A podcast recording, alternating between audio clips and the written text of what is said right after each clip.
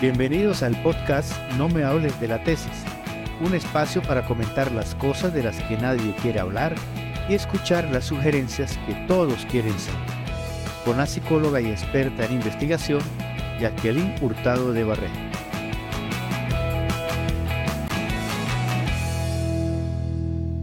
Estimados investigadores, bienvenidos a un nuevo episodio de No me hables de la tesis. Es un placer para mí tenerlos nuevamente en esta sesión donde tenemos la oportunidad de compartir con diferentes investigadores que nos van a contar acerca de sus experiencias de investigación. Y hoy tenemos el placer de tener a Marixa, quien va a compartir con nosotros algunas de sus experiencias. Hola Marixa, un gusto tenerte con nosotros, bienvenida. Cuéntanos cómo ha sido para ti esta experiencia más reciente de investigación. Eh, fue bastante traumático. Desde el primer momento en que tuve el primer contacto con el asesor, debido a que el, pues el señor tenía ya sus, sus títulos, una experiencia investigativa, tenía pues también experiencia con otros asesorados. Entonces, él, por mi labor docente, eh, me miraba como, digamos, como la menos aventajada del grupo que él tenía. Pensaba que por el hecho de ser docente, eh, no, no iba a dar la talla de investigación con los estudiantes que él tenía, que en primer lugar pues eran estudiantes de, de maestría en física, de doctorado en física, y pues él me comparaba porque yo era docente de física de una institución educativa. Entonces eso hacía que él menosprecie mis aportes, él menosprecie mi trabajo y todo lo que yo podía dar dentro de, del desarrollo de mi tesis.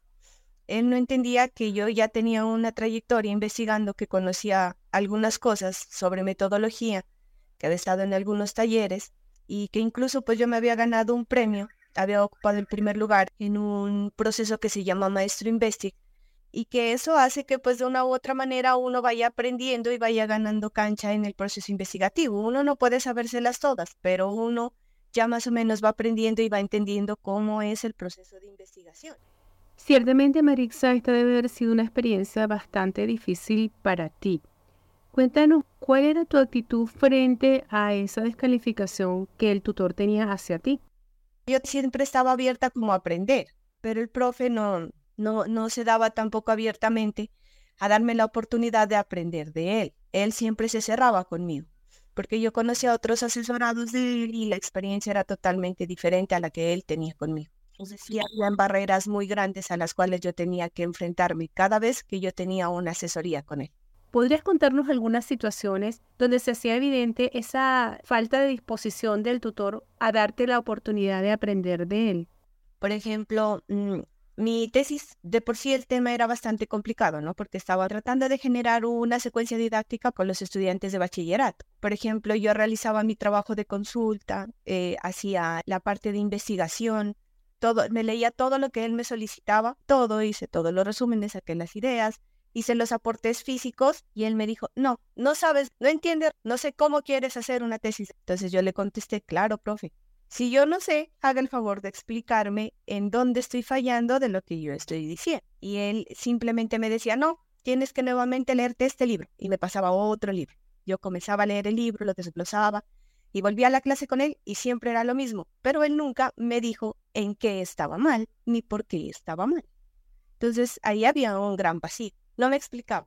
Esto que mencionas es con respecto a ciertos aspectos especializados de la física que iban a formar parte de tu secuencia didáctica. Y con respecto a los contenidos metodológicos o a los procesos de investigación que debías realizar para llevar a cabo tu trabajo de grado, ¿cómo te apoyaba o cómo se comportaba el tutor? Tampoco de metodología en la parte de investigación, yo ya tenía que ir presentando mis avances, tenía que ir construyendo mi documento. Entonces, eso fue algo, de, algo que me atrasó bastante, porque yo le decía, profes, que yo adelanté esta parte de la investigación, de lo que tiene que ver con objetivos, eh, lo que tiene que ver con marco teórico, profe, y yo se lo envío para que me lo lea. Y no, esa parte él no la leía, él buscaba que yo fortalezca en la parte de la física, que yo sí lo estaba haciendo, pero él nunca en, en la parte de metodología de investigación me estaba apoyando. ¿Cómo afectó esta situación tu avance en el proceso de investigación en la universidad? No, pues él me calificaba mal todas las investigaciones. O sea, las investigaciones y las tenía perdidas definitivamente con él, desde la primera hasta todas. Entonces, eh, un día eh, me dijo que él eh, se miraba en la imposibilidad de asesorarme solo, o sea, que mi caso era tan complicado que no podía asesorarme solo. Entonces buscó el apoyo con otra asesora de una universidad. Era tan difícil mi asesoría que tenía dos asesores en la sesión. Y llegó la chica y comenzó a asesorarme. Claro, ¿no? Yo reconozco que ella conocía muchísimo de investigación. Ella sí, sí sabía la parte metodológica y pues yo de una me enganché con eso. Al final de la primera sesión me dijo, pero tú no eres tan mal como me dijo el, el asesor. Entonces ese día yo me sentí mal y le dije, no, un momento.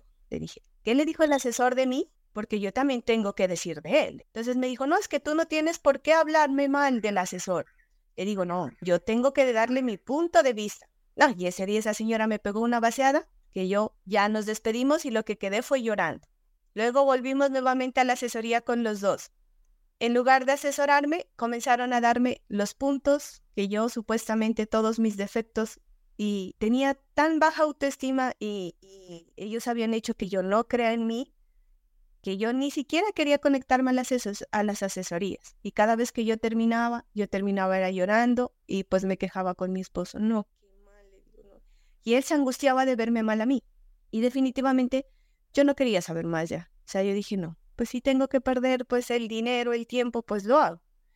Al escuchar esta experiencia que nos comparte Marixa, podemos ver que para ser tutor no solamente hay que conocer del tema, no solamente hay que conocer de investigación, sino que la persona tiene que tener una formación humana importante, una sensibilidad hacia el otro y una capacidad de transmitir el conocimiento que repercuta efectivamente en el crecimiento y en el desarrollo de la persona que está asesorando.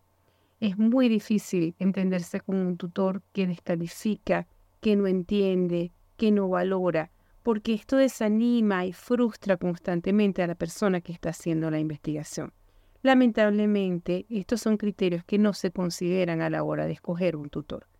Algunas universidades cuando seleccionan a sus tutores piensan en los títulos que tiene el tutor, en las ponencias, en los artículos publicados, pero no se toman el tiempo para conocer a esa persona más de cerca y para poder ver cuál es su calidad humana, cómo se relaciona con los estudiantes y cuál es su habilidad realmente para contribuir al crecimiento de ese investigador que está en sus manos durante ese proceso de asesoría y de tutoría. Sí, hay personas y asesores que, digamos, pierden la parte humana o no somos capaces como de comunicarnos acertadamente con los asesorados, que en lugar de hacer un bien hacemos un mal. Cuéntanos, por favor, Maritza, ¿cómo lograste tú zafarte de esta situación tan complicada? Y ese día fue que grabé y también grabé otra, otra sesión que tuve con él, las grabé y eso fue lo que a mí me salvó para que me cambiaran de asesor. Y entonces fue el momento en el que eh, pues me recomendaron a una asesora y también eh, comencé nuevamente como desde cero a retomar y también mi esposo fue un gran apoyo porque él me dijo no tenemos que denunciar, tenemos que informar esto en la universidad porque esto no puede seguir pasando. Y cuando ya en la universidad él se comportó también igual de arrogante y mal que conmigo que con la directora del programa. Y entonces ella, ella dijo, no, tú tienes toda la razón, te creo absolutamente todo, es verdad lo que tú me dices, vamos a cambiar de asesor. Y ella también me colaboró para que yo pueda volver a retomar.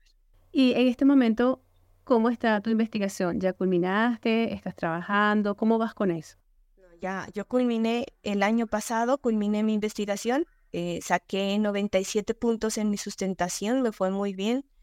¿Cuál crees tú que fue el aprendizaje fundamental de ese proceso que tuviste que vivir? Pues a ver, el aprendizaje fundamental de todo ese proceso. Mm, de que uno primero no debe dejar pasar tanto tiempo si uno se siente mal asesor. O sea, si uno siente que la asesoría no es la correcta o no es la conveniente o no hay una comunicación fluida entre el asesor y el y el asesorado y el tesista, es mejor decirlo a tiempo y cortar eso definitivamente. Si no se pueden subsanar las diferencias, es mejor buscar otro asesor e informar en la universidad de la mejor manera, pues tratando de no perjudicar absolutamente a nadie. Creo que eso sí se debe hacer, porque digamos los daños psicológicos y humanos que uno cada vez va generando son mayores. Entonces es mejor actuar a tiempo, tomar la decisión y no dejar pasar porque yo considero que uno con el asesor se convierte en un amigo. se convierte como en un socio de una, de una empresa o de un negocio que estamos sacando adelante, porque no es solamente el tesista, también es el asesor. Entonces, es como algo en el que los dos tenemos que estar muy bien conectados, porque de lo contrario uno no progresa y uno no avanza. Marixa, cuéntanos cómo te sientes en este momento. Le cuento que yo todavía aún, eh, me invitaron ahora para hacer una exposición y tengo como todavía ese miedo de, de cómo nuevamente volver a salir a hablar de esa parte de investigación, porque pues antes de, desarrollar la tesis doctoral me habían invitado, ¿no? A, a, varios eventos con estudiantes universitarios. Eso me llenaba mucho a mí. Y ahora no, definitivamente me da como miedo, pero poco a poco ya voy superando eso. Es importante que lo superes porque el problema no era tuyo y tú no siempre te vas a encontrar con gente así tú en tu camino vas a encontrar mucha gente, muchísima más gente que te valore, te reconozca y que te vea como una persona que realmente tiene sus méritos, tiene sus logros y que ha hecho un trabajo bien importante con la investigación. Así que no te desanimes por eso, porque creo que ese es uno de los peores daños que a veces hacen los malos tutores y los malos asesores, y es que vacunan a, a las personas contra la investigación.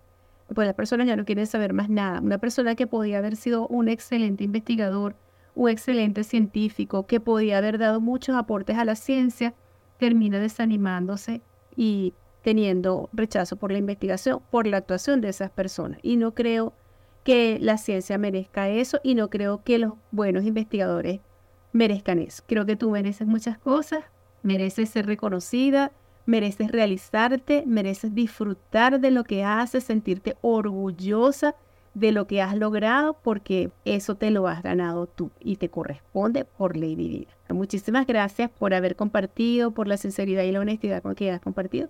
Listo, doctora, muy amable. Gracias, un abrazo. Estimados investigadores, gracias por habernos acompañado en este episodio. Nos despedimos y los esperamos nuevamente para seguir escuchando los testimonios y las experiencias de otras personas con sus trabajos de investigación. Y no olviden por favor revisar la descripción del podcast e ingresar a la página saberinvestigar.com para revisar algunos artículos relacionados con los temas que hemos trabajado en No me hables de la vida. Saludos para todos y nos vemos en la próxima oportunidad.